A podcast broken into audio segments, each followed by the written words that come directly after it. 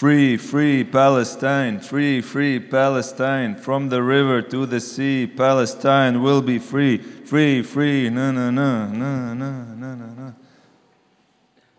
Šādi saucieni pēdējās nedēļās atskan daudzās Rietumē Eiropas un Ziemeļamerikas lielpilsētās, kur musulmaņu liela daļa kreiso ir izgājuši ielās protestēt pret Izraēlu, pret Izraēlas iebrukumu Gazā un tā saucamo Palestīnas teritorijas okupāciju.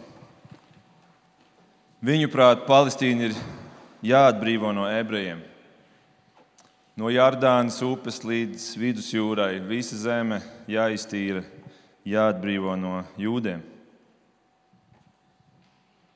Rezultātā šī daļēji arī terorisma atbalstīšana ir izraisījusi tādu jaunu antisemītismu vilni visā pasaulē,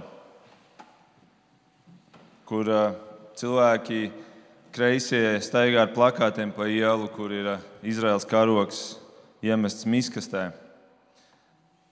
Turcijā parādās uzraksti pie veikaliem, ka šeit ebreji nedrīkst ieiet. Dagestānā tiek pārmeklētas lidmašīnas, un automašīnas un viesnīcas numuriņi, vai tur nav kādi ebreji iekšā. Un Pakistānā redzēts varbūt līdz šim banālākais naids, kur vīri ar zobiem plēš Izraels karogu gabalos, saplēš viņu un tad viņu apēd. Tik laišs naids, ka gribās apēst to Izraēlu, gribās apēst to zvaigzni, to Dāvida zvaigzni, gribās apēst viņu reliģiju, apēst visu to, kas viņiem ir dārgs un svēts, un, ja varētu, vislabāk apēst viņu dievu. Apēst viņu dievu. Patinām bildi mazliet atpakaļ, 2000 gadus atpakaļ. Šajā pašā zemē, kuru romieši vēl nebija pārs, paspējuši pārsaukt no jūdejas par Palestīnu, arī ebreji izmisīgi ilgojās pēc atbrīvošanas, atbrīvošanas no okupācijas no pamatotas okupācijas, no īstas okupācijas. Un arī viņi tika novesti līdz brīdim, kur viņiem ir jāēd dievs. Par to mēs šodien runāsim. Izraels ļoti gaidīja, es atvainojos, man šodien balss mazliet lēkās. Piedodiet man. Izraels ļoti gaidīja politisku atbrīvotāju. Viņi saskatīja to, ka Mēsija, tad, kad viņš nāks, šis apsolītais glābējs, viņš būs politisks atbrīvotājs no okupācijas. Un bija pienācis brīdis, kad viņiem likās, ka viņi ir atraduši šo politisko atbrīvotāju. Jo Jēzus brīnumainā veidā paēdināja tos 5000 vīrus, tur bija kopā kaut kādi 20, 25 tūkstoši cilvēku ar sievām un bērniem. Un viņš viņus paēdināja ar nieka divām zivīm un piecām maizēm. Un šie jūdi bija tik satricināti par šo brīnumu, ka viņi beigās vēlējās iecelt viņu par ķēniņu, par šo atbrīvotāju. Un viņi to mēģināja darīt ar varu. Atcerieties, Jāņa 6.15 bija teikts, bet Jēzus nomanīdams, ka tie grasās nākt un viņus satvērt ar varu, lai ieceltu par ķēniņu, devās atkal viens pats uz kalnu. Un tā Jēzus šajā reizē aizmuka no šī pūļa, bet pirms tam viņš iesēdina savus mācekļus laivā un aizsūta viņus pāri Galilejas jūrai misijā, jo misija turpinās. Starp citu, sveiciens misijas dienā šodien. Un viņi tiek sūtīti tālāk misijā, bet viņš pats aiziet uzkāpj kalnā, kas ir turpat blakus Galijas jūras piekrastē. Un šie mācekļi visu nakti mēģina pārērēties pāri nieka 11 km. Bet viņiem tas neizdodas, jo viņiem ir pretvējš iestājies, ir viļņi. Un viņi tur mocās, un Jēzus stāv krastā un cauri tumsai pārdabiskā veidā redz viņus. Bībeli saka. Un viņš nonāk un pārdabiskā veidā iet pa ūdens virsmu pie viņiem. Un tad, kad viņš ir pienācis pie viņiem un iekāpis laivā, viņš pārdabiskā veidā pēkšņi ir nonācis krastā kopā ar saviem mācekļiem. Un tā un šie mācekļi redz brīnumu pēc brīnuma. Viņiem tas viss ir tāds, tāds notikumu tsunami, kur viņi vēl neaptver, kas vispār notiek. Bet pienāk nākamais rīts, un otrā krastā tas pūlis pamostās un attopās, ka Jēzus kaut kur ir pazudis. Un viņi dodas viņu meklēt. Un tas mūs aizved pie šodienas notikuma, kur mēs redzēsim, kā pūlis atrod Jēzu un tad notiek saruna. Saruna ar pūli. Un šī saruna notiek Kapernaumā, tās sinagogā, kā mēs lasām šīs nodaļas. Jāņa evanģēlijas sastās nodaļas, kuras, starp citu, aicinu jums arī atvērt un paturēt atvērtu. 59. pantā ir teikts, ka šo visu viņš sacīja Kapernaumā, mācīdams sinagogā. Šajā vietā es arī esmu bijis pats, varu uzlikt to bildi. Šī sinagoga vēl ir tā daļai saglabājusies, un uh, tur apkārt ir vēl soli, kur uh, iespējams šie cilvēki sēdēja, kādi sēdēja, daudzi stāvēja, tad, kad Jēzus šo šodienas sarunu ar viņiem ved. Un šajā sarunā, kas stiepsies līdz pašas sastās nodaļas beigām, būs trīs daļas. Trīs auditorijas Jēzus šeit uzrunās. Sākumā viņš runās ar pūli, un tas būs mūsu šodienas notikums. Pēc tam nākamā svētdienā mēs domāsim par to, kā viņu uzrunā jau jūdu vadītāji, garīdznieki, un viņiem šauja bultas, kritizējot viņa šodienas sarunā teikto. Un tad beigās viņš pievērsīsies saviem mācekļiem, un šī saruna nobeigsies ar mērķa auditoriju mācekļi. Un šī saruna ir viena no neticamākajām sarunām visā Bībelē. Viena no tādām, manuprāt, šī nodaļa vispār viena no tādām visspilgtākajām, ar dinamītu pielādētākajām nodaļām Bībelē. Šīs sarunas beigās lielākā daļa no Jēzus mācekļiem pagriezīs viņam muguru notiks lielā atkrišana. Kādēļ? Tādēļ, ka viņiem tas saturs, kas šajā sarunā tiks, tiks dzirdēts, būs par smagu. Bet par to pēc kārtas. Sāksim ar šodienas notikumu. Un šodienas notikums būs četrās daļās. Un šis notikums parāda ļoti skaisti to Jēzus stratēģiju misijas darbam. Jēzus stratēģija misijai. Un, mums šodien ir misijas diena, un mēs varam arī līdz ar to pārdomāt to ar skatu uz mums, uz mūsu dzīvi, uz mūsu stratēģiju, ja mums vispār ir tāda stratēģija. Ja nav stratēģijas, nu, šodienas prototypu varam paņemt sev un pārdomāt, kā mēs to varam dzīvē pielietot. Un šis, šīs četras daļas arī ļoti labi parāda to, kā cilvēks nonāk pie Dieva. Tas ceļš, kā cilvēks no sākuma A, no punkta A līdz punktam B, nonāk pie Dieva pa īstam. Tātad pirmā daļa, pirmā daļa ir meklēt Dievu. Tas ir pirmais solis, ko mēs redzam, ja mēs gribam tuvoties Dievam. Cilvēks meklē Dievu. Un te mēs varam nolasīt no 22. līdz 26. pantam, Vienkārši ieklausieties. Tas ir kā tāds ievads arī šodienas sarunai, par kuru es jau mazliet minēju. Otrā dienā ļaužu pūlis, kas stāvēja viņpus jūras, redzēja, ka tajā vietā nevienas citas laivas nebija kā tikai viena, un ka Jēzus nebija tajā iekāpis kopā ar mācekļiem, bet mācekļi bija devušies prom vieni paši.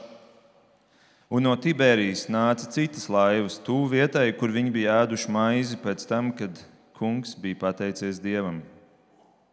Kad nu ļaudis redzēja, ka ne Jēzus, ne viņa mācekļi tur nav, viņi iekāpa laivās un devās uz Kapernaumu, meklējami Jēzu. Atraduši viņu otrā krastā, tie jautāja: Rabī, pa kuru laiku tu šeit atnāci? Jēzus tiem atbildēja un sacīja: Patiesi, patiesi es jums saku, ne tādēļ jūs meklējat mani, ka redzējat zīmes, bet tādēļ, ka jūs esat no tām maizēm ēduši un pēduši.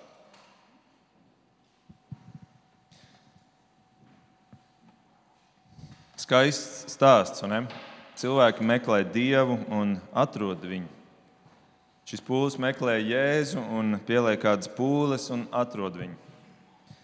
Mēs varētu teikt, wow, nu tas ir tik skaists, tik skaists stāsts, kurš, kuram ir, kur mēs varētu ierāmēt un pielikt pie sienas kā tādu, kā tādu labu piemēru tam, kā cilvēki no labas gribas meklē Dievu un ka šis ir tas veids, kā, kā tas var notikt, kā mēs varam viņu atrast. Ir vienkārši jāpieliek pūles un jādodas viņu meklēt. Un, ja es šodien būtu viens no 12 mācekļiem, es iespējams priecātos par šo cilvēku gatavību pielikt šīs pūles. Iespējams, viņi pat maksāja kādu naudu šiem laiviniekiem, lai viņus pārved pāri uz otru krastu. Un, ja es būtu varbūt šīs Jēzus misijas galvenais koordinators, šo mācekļu vidū, tad varbūt es uzreiz sāktu rēķināt, tā, cik mums ir sekotāju. Tātad mums te ir atbraukuši tur vairāki simti, varbūt vairāki tūkstoši. Un, un, um, kāda ir mūsu izaugsme mūsu misijā? Cik um, liels skaits mums ir šodien, kāda ir izaugsme no mūsu misijas, kopš mūsu misijas sākuma? Un tagad jautājums vēl ir, kā viņus padarīt par oficiāliem biedriem. Lai viņi nav tikai tādi sekotāji, bet, bet um, ka mēs varētu viņus tā teikt paņemt un uh, ka viņi varētu pierakstīties mums kā oficiāli šīs misijas sekotāji, biedri. Un tad ierunājās Jēzus. Un ko viņš saka? Kas ir tas viņa veids, kā viņš uz šo uz šiem meklētājiem attiecās. Viņš saka, laipni lūgti. Vai viņš tā saka? Viņi ir ieradušies pie viņa, un, viņš saka, laipni lūgti. Jūs esat maleči, ka jūs esat mani meklējuši un pielikuši pūles, un jūs esat mani atraduši. Nē, paklausieties, vēlreiz viņa atbild. Tad viņi nāk pie viņa un viņš saka, Patiesi, patiesi es jums saku, ne tādēļ jūs mani meklējat, ka jūs redzējāt zīmes, bet tādēļ, ka jūs vienkārši esat labi pēduši. Wow, mēs varētu teikt, Jēzu, kāpēc tik negatīva reakcija? Kāpēc, kāpēc tu uzreiz viņiem kaut ko pārmet? Viņi taču nākuši visu šo gabalu, vai nevarēja vismaz laipni uzņemt viņus un uzsākt ar kaut ko tādu pozitīvu. Redziet, šī nav tāda pārāk seeker-sensitīva pieeja, kuru latviešu iztulkojot būtu meklētājiem draudzīga pieeja, kas ir joprojām populāra evaņģēliskās draudzēs, kur šī pieeja aicina pārvērst draugu pēc iespējas līdzīgāk pasaulē, lai cilvēkiem būtu lai viņi te justos labi, lai viņi justos kā mājās, lai nebūtu nekas tāds negatīvs, par ko mēs runājam, lai viņi netiktu arī atbiedēti. Runāsim par pozitīvo. Uzsvērsim tikai pozitīvo un to negatīvo, arī tā skaitā par grēku. Nerunāsim, tas, tas, tas var cilvēks atbiedēt. Jēzus šeit izskatās nelieto šo pieeju. Viņš kaut kā ļoti skaidri uzreiz pasaka viņiem, kas nav kārtībā ar viņu motivāciju. Un, man liekas, no šīs jēzus reakcijas mēs varam jau iegūt vairākas mācības. Piemēram, ka mums nav jāupurē savas vērtības, lai ticības meklētāji justos pieņemti. Protams, tas nenozīmē, ka mums nav jāmeklē veidi, kā laipni uzņemt viņus. Bet mums nav jāupurē tās patiesās vērtības, par kurām mēs esam droši, ka viņas ir būtiskas cilvēku garīgajā dzīvē. Pēc šodienas, šīs nedēļas ceturtdienā, ceturtdienas saimnes balsojuma, kura tika pieņemts, pieņemti divi būtiski likumi, kas palīdzēs nākotnē runāt, runāt arī, arī uz bērniem, mācīt bērniem dažādas, dažādas identitātes jautājumus. Es domāju, šis jautājums kļūst vēl svarīgāks un aktuālāks mums. Mums nav jāpielāgojas pasaulē tikai tāpēc, ka pasaule tā domā par šiem jautājumiem. Vēl viena mācība, ka ne visi meklētāji tiešām meklē Dievu.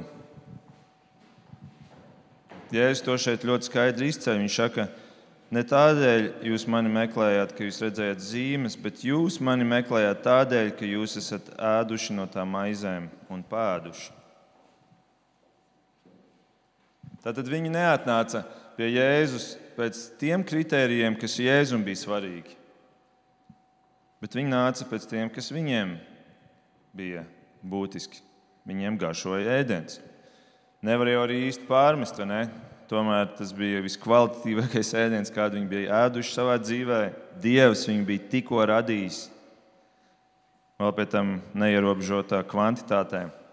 Ko tu vēl vari gribēt vairāk?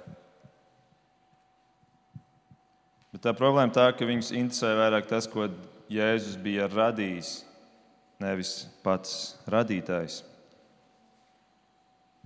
Un, protams, kā jau pieminēju, viņi cerēja, ka Jēzus tomēr būs tas, kurš atcels šo okupāciju. Tātad cilvēks nāk ar motivāciju, kas īstenībā ir uz viņu vērsta. Viņš grib kaut ko sev iegūt. Un Dievs, Jēzus, var būt labs instruments, kā to iegūt, kā to panākt. Ievērojot, Jēzus vēl saka, ne tādēļ jūs meklējāt mani, ka redzējāt zīmes ka redzējāt zīmes. Tas, ko šie cilvēki saskatīja, bija tikai brīnumi, bet viņi nepamanīja zīmi aiz šiem brīnumiem. Brīnums ir tas, kas dod labumu cilvēkam. Cilvēks tiek pāēdināts, cilvēks tiek dziedināts, cilvēks, cilvēkam tiek atrisināta kāda problēma pārdabiskā veidā. Bet zīme ir tā, kas parāda uz Dievu. Jautājums ir, kā ir ar mums šodien? Cik mēs esam vērsuši savu skatu uz tiem labumiem no Dieva? Un cik mūsu skats ir vērsts uz pašu Dievu? Pat ja Viņš nedotu mums nekādus labumus. Pat ja visas mūsu lūgšanas par dziedināšanām un problēmu risinājumiem netiktu atrisināts tā, kā mēs to gribam, vai mēs šeit joprojām būtu, vai mēs joprojām slavētu viņu. Cik svarīgi mums ir Dieva dotie labumi un cik svarīgs mums ir pats Dievs.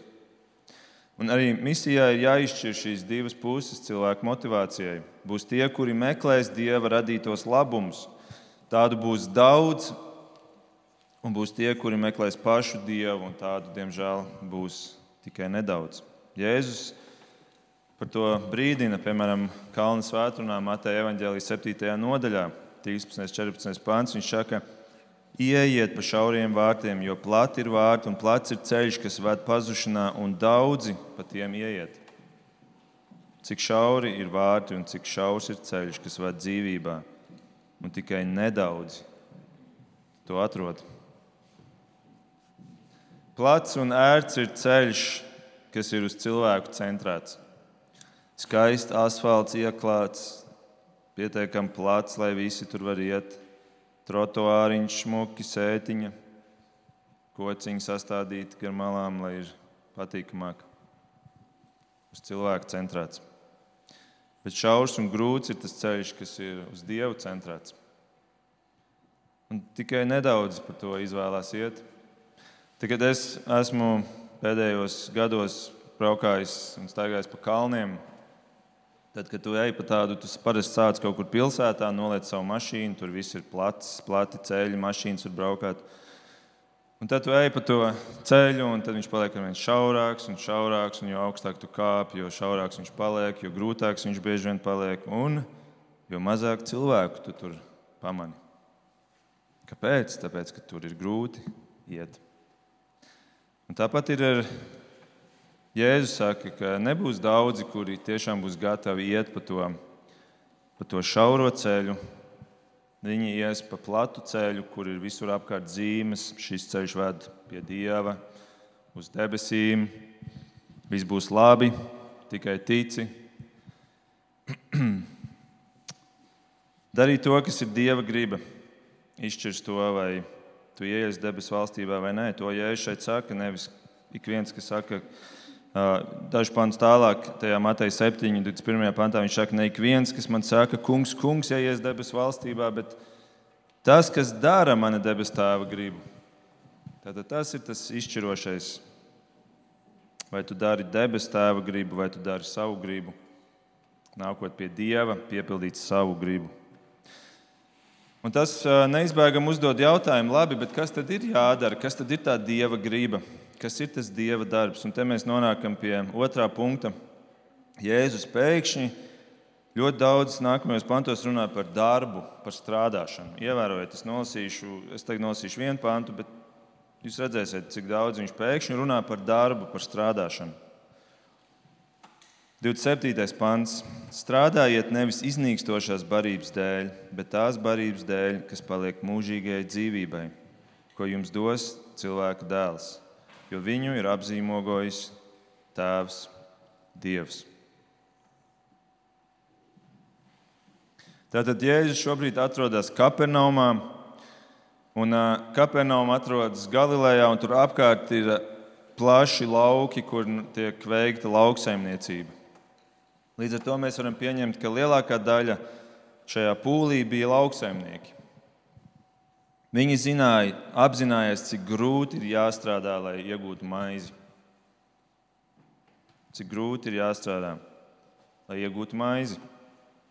Viņi apzinājās, ka ēdiens nekrīt no debesīm. Ēdiens nekrīt no debesīm, ir jāstrādā.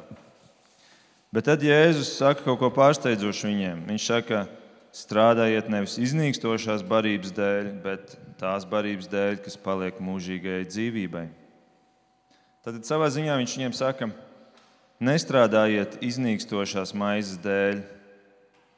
Tā ir tā maize, kur jūs apēdat, un pēc pāris stundām, ja tev atkal gribās ēst, tas efekts izsīkst.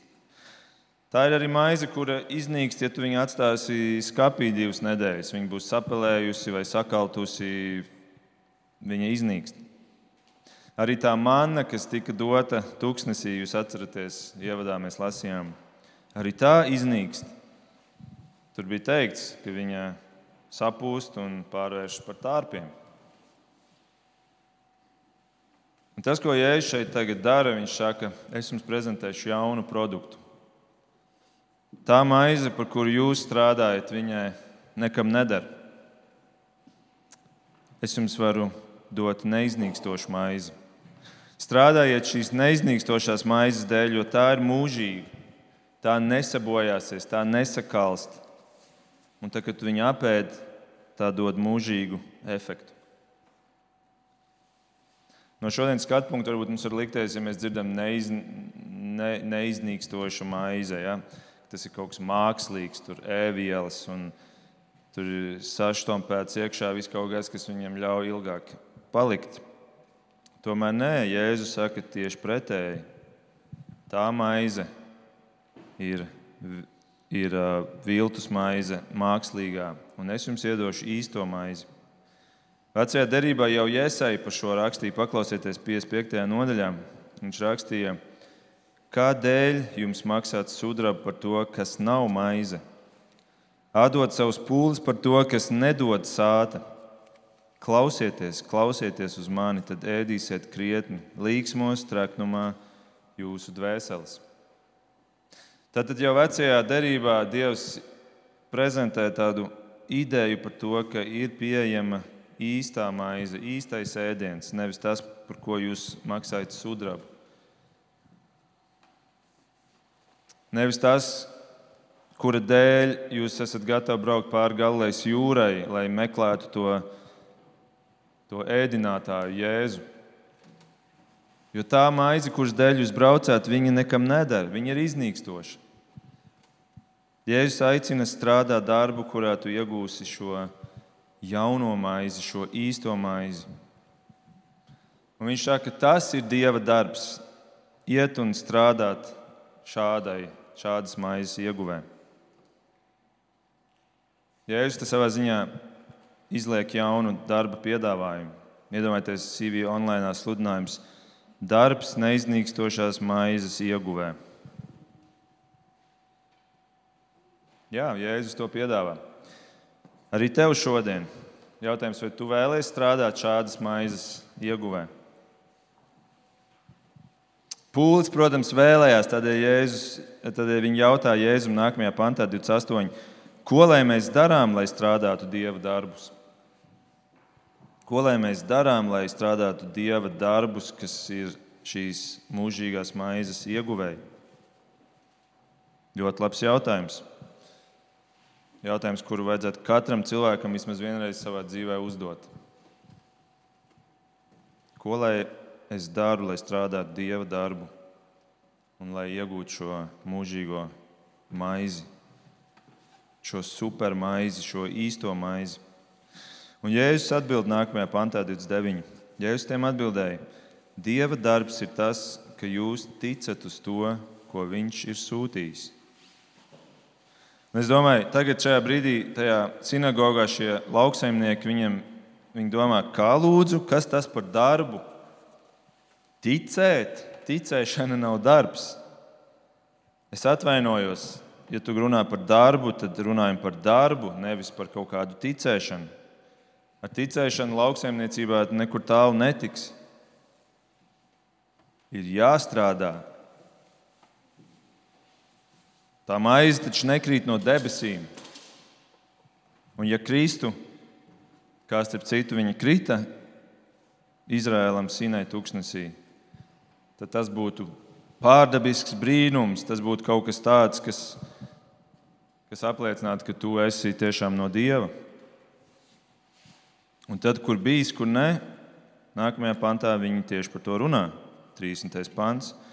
Tad tie viņam sacīja, kādu tad tu rādi zīmi, lai mēs redzam un tev ticam, kādu darbu tu dari. Mūsu tēvi ir manu ēduši tūkstnesī, kā rakstīts, viņš tiem ir devis ēst maizi no debesīm. Un viņi izvelk šo piemēru, lai pateiktu, ka maize nekrīt no debesīm. Un tomēr, ja viņa krīt no debesīm, tad tas ir kaut kas spēcīgs, tas ir tas, kam mēs arī esam gatavi ticēt. Mūsu tēvi mums deva maizi no debesīm. Ja tu to arī vari izdarīt, tad mēs tev ticēsim. Un, ja tā padomā, cik ironiski, vai ne? Viņi prasa zīmi no Jēzus, kaut gan šī saruna sākās ar Jēzus pārmetumu viņiem, ka viņi zīmes neievēro ka viņi nav braukuši šeit zīmes dēļ, jo vakar viņš viņus pabaroja un parādīja viņiem vienu no lielākajām zīmēm, kādu mēs varam atrast Bībelē.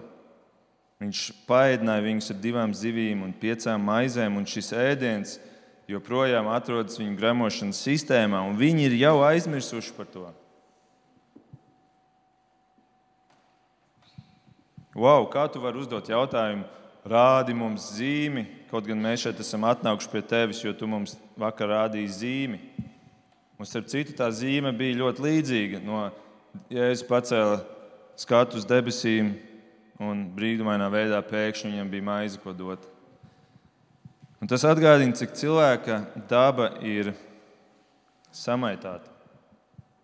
Cik cilvēks ir ar īsu atmiņu, cik viņš ir akls pret to, ko Dievs dara viņa dzīvēm. Un vēl cik brīnumi ir bezjēdzīgi, ja tu nesaskati tajā zīmi. Zīmi, kas rāda bultu uz debesīm, uz Dievu. Cilvēkam tu vari dot zīmes, bet ja viņi nav gatavi viņas lasīt, viņas nekam, neko tam nedos. Tu vari nolikt 50 zīmes ceļa malā par to, ka priekšā tuvojas aiza. Bet, ja viņi nav gatavi šīs zīmes ievērot, tad lai neviens nebrīnās, ka sekos kritiens. Un Jēzus ir rādījis zīmi pēc zīmes, bet viņi saka, dod mums zīmi, rādi mums zīmi. Nopietni. Wow! Cik tev Dievs ir rādījis zīmes tavā dzīvē? Varbūt ne gluži paēdinājis tevi un tavus tūkstošus radiniekus, bet vai staigājis pa, pa Daugavas ūdens virsmu vai kādu tam līdzīgu, bet zīmi, kurā tu apzinājies, ka tas ir bijis no Dieva.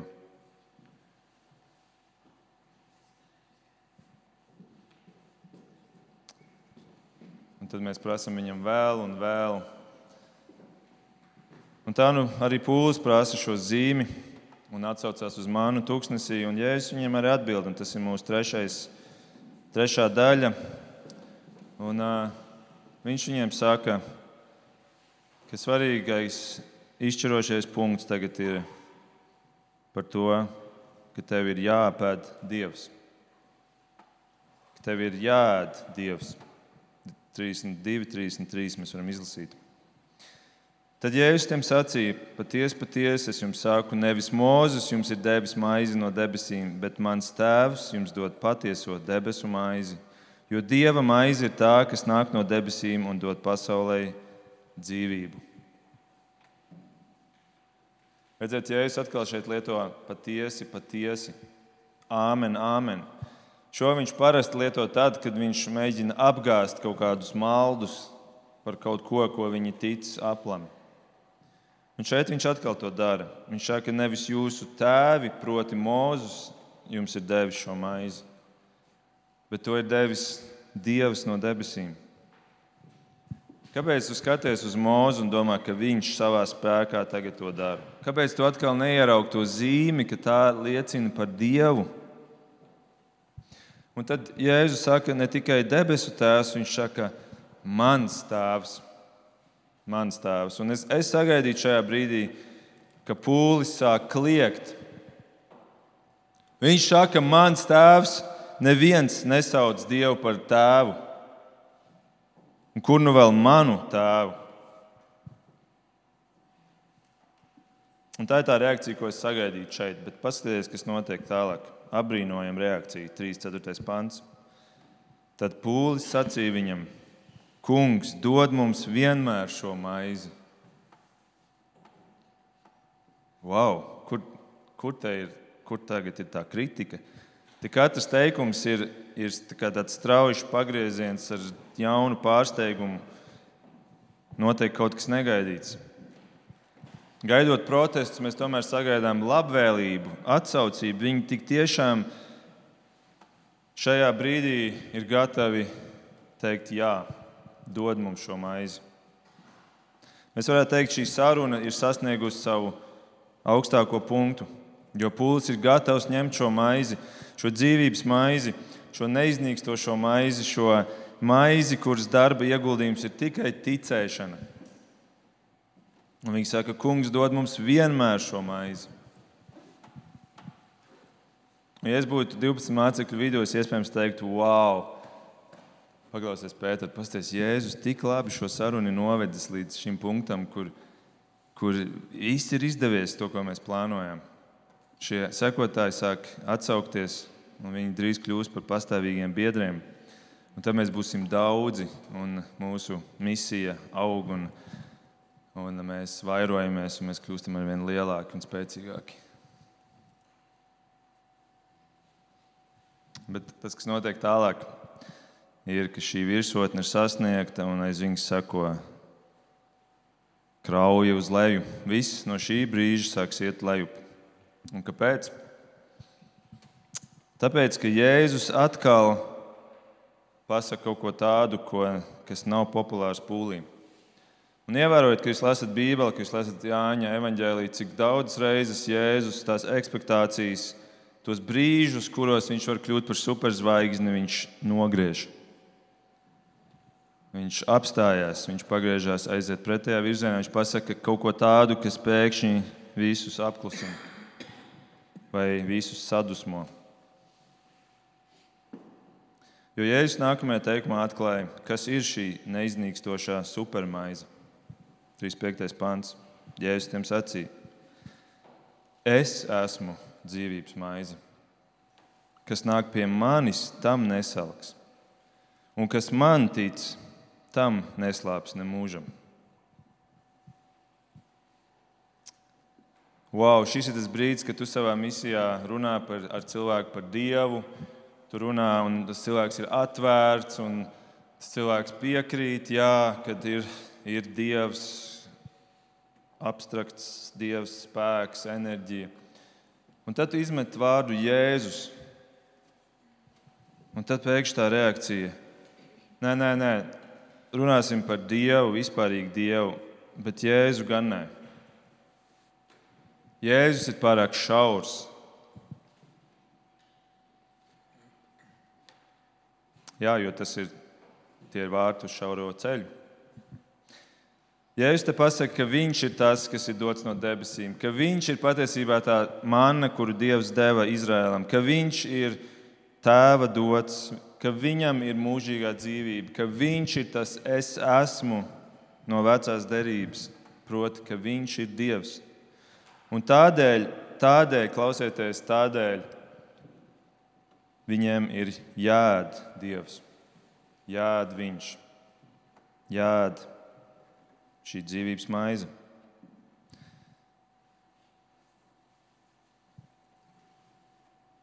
Un te Es atvainojos, bet visi aiziet pa pieskari. Jo Jēzus atklāja, ka nevis viņš ir tas, kurš dod maizi no dieva, bet ka viņš pats ir tā maize. Un tādēļ viņš ir jāēd. Cilvēkam ir nevis jāņem kaut kas jāprasa no Jēzus, bet viņam ir jāpēta Dievs, jāpēta šī maize. Un redziet, ar to atšķirās kristētība no visām pasaules reliģijām. Visas pasaules reliģijas ir bezpersoniskas, kuras, kur cilvēks dara kaut ko dievam, kaut ko gaida no dieva. Bet kristietībā cilvēks apēd dievu. Tas izklausās dīvaini, bet tas patiesībā ir tieši tas, ko mēs arī darām. Mēs svētajā vakarēdienā ēdam Dievu. Cilvēki varbūt no malas, nezinu, vai jūs par to tā esat domājuši, bet cilvēki no malas skatās un domā, tie gan ir dīvaini. Cilvēki viņi kaut ko tur ēd, Jēzus miesu, dzer Jēzus asins.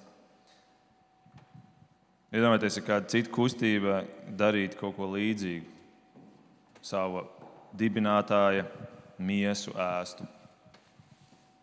Piemēram, Rīgā ir Gētas institūts, un tagad šie institūta biedri sanāk pirmdienā kopā un tagad ēd Wolfgang von Goethes maizi, miesu. Tāpēc nav brīnuma, ka daudziem šajā brīdī pēkšņi iestājas tāds protests pret Jēzu. Notiek lūzums. Un jūs redzēsiet, nākamajās divās svētdienās mēs, redzēs, mēs runāsim par to, kā cilvēki pagriež muguru viņam. Apēst Dievu nav tikai vakarēdienā. Darbība. Apēst Dievu nozīmē ēst Dievu regulāri. Ēst viņu regulāri kā maizi. Jēzus saka, Matei 4,4. Cilvēks nedzīvo no maizes vien, bet no ikviena vārda, kas nāk no Dieva mutes. Apēst Dievu nozīmē Bībeli lasīt regulāri un Bībelī, Bībelē ticēt visai, pieņemt viņu visu. Tā kā mēs nākam un vakarēdienā laužam mazo maizes gabaliņu, mēs nepaņemam ceturto daļu, noliekam ceturto daļu nost un apēdam trīs ceturdaļas. Mēs apēdam visu. Ar to mēs parādām, mēs esam gatavi Jēzu tevi visu ņemt. Mēs esam gatavi ticēt visam tam, ko tu saki.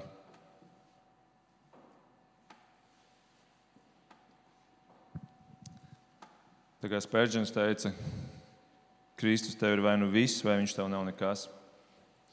Viņš tev ir viss, vai viņš tev nav nekas. Un apēst Dievu nozīmē arī atrast Dievu pa īstam. Jo tikai tad, kad Dievs ir ienācis tevī, tad tu esi atradzis Dievu. Un šeit mēs noslēdzot šo ceturto punktu, mēs redzam, Jēzus runā vēl par Dieva atrašanu. Tātad meklēt Dievu, strādāt Dievam, apēst Dievu un atrast Dievu. Un šeit izšķiras, kur tiešām tic Jēzum un kuri atrod viņu. 36 līdz 38. Jēzus saka šim pūlim: Es jums sacīju, ka jūs gan esat mani redzējuši, tomēr neticat. Visi, ko tēvs man dod, nāk pie manis, un nevienu, kas pie manis nāk, es nekad nedzīšu prom. Jo es neesmu no debesīm nācis, lai darītu savu gribu, bet tā gribu, kas mani ir sūtījis. Jēzus šeit parāda krustojumu, ir divi ceļi No šejienes iziet divi ceļi. Neticības ceļš, kurā cilvēks ir redzējis daudz zīmes no Dieva. Patiesībā visa daba ir zīmes no Dieva, kur mēs redzam šī lielā dizainera pirkstu nospiedumus. Un romiešiem pirmajā nodaļā Pāvils ļoti skaidri pasaka, ka nevienam nebūs attaisnojumi. Neviens nevarēs teikt, es neesmu redzējis Dievs tavas zīmes. Visi ir redzējuši zīmes. Un redzējuši no Dieva, un šeit cilvēki pat ir redzējuši Jēzu fiziskā formā. Un tomēr cilvēks ir gatavs pateikt, nē, neticēt. Bet tad ir tas otrs ceļš, ticības ceļš. Un, un ievērojiet, no kā ir atkarīgs šis otrs ceļš. Mēs varam vēlreiz izlasīt to pāntu sākumu. Jēzus saka, visi, ko tēvs man dod, Redziet, visi, ko Tēvs man dod, nevis visi, kuri paši ir izvēlējušies nākt pie manis. Interesanti, nē, viņš saka, visi, ko Tēvs man dod. Lai cilvēks spētu ticēt Jēzum un vēl ēst viņu, nepietiek ar loģisku spriedelēšanu, spriešanu, ar cilvēcisku gudrību, kura mani aizved pie tā, ka es izvēlos pateikt jā Jēzum. Mēs redzam, tur ir vajadzīgs kaut kas daudz lielāks, kaut kas daudz spēcīgāks, pārdabisks spēks, dieva iejaukšanās. Tēvs dod cilvēku jēzumu. Tēvs dod cilvēku jēzumu. Un tā ir mācība mūsu misijai, ka mēs lūdzam nevis Dievs, lūdzu, palīdz, ka šis cilvēks attaptos, ka viņš atgrieztos no saviem grēkiem, ka viņš darītu to vai to vai to. Tā lūkšana ir, lai Tēvs dod šo cilvēku jēzumu. Tēvs lūdzu dod. Un tikai tad viņi patiesībā sāks meklēt pa īstam Dievu un atradīs viņu. Un ne tikai atradīs, bet nekad vairs nepazaudēs šo atrasto, jo ar to noslēdzās mūsu šodienas teksts pēdējie divi panti, 39 un 40. Jēzus noslēdz šo daļu šim pūlim, sakot, Mana sūtītāja griba ir, lai neko no tā, ko viņš man ir devis, es nepazaudētu, bet augšām celtu pastarā dienā. Mana tēva griba ir, lai ikvienam, kas skata dēlu un tic viņam, būtu mūžīgā dzīvība, un es to augšām celtu pastarā dienā. Daudz kristieši ir ļoti atturīgi pret šo domu, ka tu glābšanu, ka glābšanu nevar pazaudēt. Jo tā šķiet neloģiska, bet patiesībā tā ir neloģiska tikai pēc cilvēku gudrības. Jo dieva loģikā viss saskan ļoti skaisti. Tēvs ir gribējis dot kādus, cilvēkiem, cilvē, kādus cilvēkus jēzumu, Un Jēzus saka, es viņus neatraidu. Kāpēc? Tāpēc, ka Tēvs man viņus dod. Un Jēzus pieņem viņus, un Jēzus saka, un es viņus nepazaudēšu līdz pēdējai dienai. Tāda ir Dieva loģika, tāda ir Dieva griba. Un tā noslēdzot šodienas notikumā, mēs redzam šo Jēzus misijas stratēģiju. Viņš atklāja, ka lielākā daļa cilvēku Dievu patiesībā nemaz nemeklē. Viņi meklē savu gribu, savu vēlmi piepildījumu. Un tādēļ viņi neatrod patieso dievu, bet tikai atrod kaut kādu pseido dievu, kas viņus beigās aizvedīs pie lielas vilšanās. Un tādēļ viņi nekad arī neatrod to īsto apmierinājumu. Jo īsto apmierinājumu var atrast tikai cilvēks tad, kad viņš ir gatavs apēst Dievu. Kad viņš ir gatavs apēst dzīvības maizi, kur Dievs ir devis no debesīm. Pieņemt Jēzu tādu, kāds viņš ir. Un šī maizes apēšana izraisa grēku nožēlu, tāpēc ka Jēzus ir pret grēku.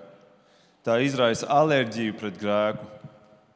Varbūt tā alerģija tev vairākus mēnešus prasīs, varbūt vairākus gadus, lai tu atbrīvotos no šī grēka.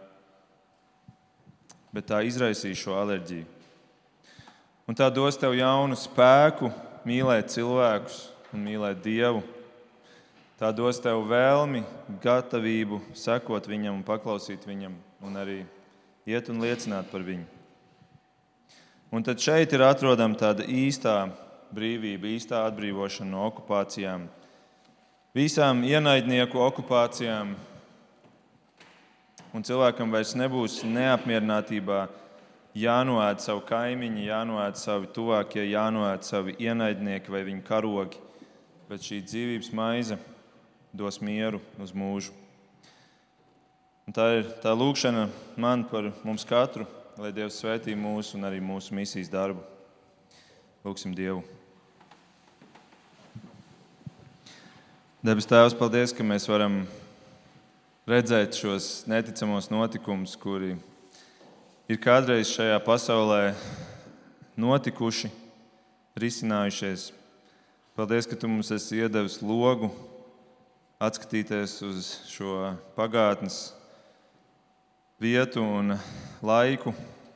Un, um, paldies, ka no šīs pagātnes tas piedāvājums, tavs spēks, tavu vārdi joprojām plūst caur šim logam atpakaļ pie mums. Un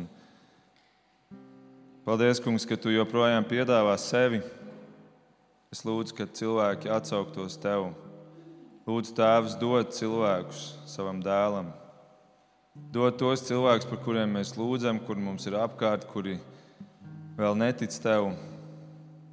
Lūdzu, Kungs, Tēvs, dod šos cilvēkus Jēzum, ka viņi varētu pa īstam atrast tevi un ka viņi varētu atsaukties tev, ka viņi varētu sajust, ko nozīmē grēks un nožēlot to. Un ne tikai viņi, bet patiesībā es un mēs. Lūdzu, palīdzi mums, Kungs! Lūdzu, lieto mūs savā misijā. Paldies, ka tu arī mūs sūti kāpt laivā un doties mūsu ikdienā. Nav jābrauc uz Āfriku, pietiek pārbraukt pāri ezeram, tepat pie mūsu kaimiņiem, pie mūsu darba kolēģiem, pie mūsu draugiem, pie mūsu ģimenes. Lūdzu, lieto mūsu kungs savam godam un cilvēkiem par svētību. Amen.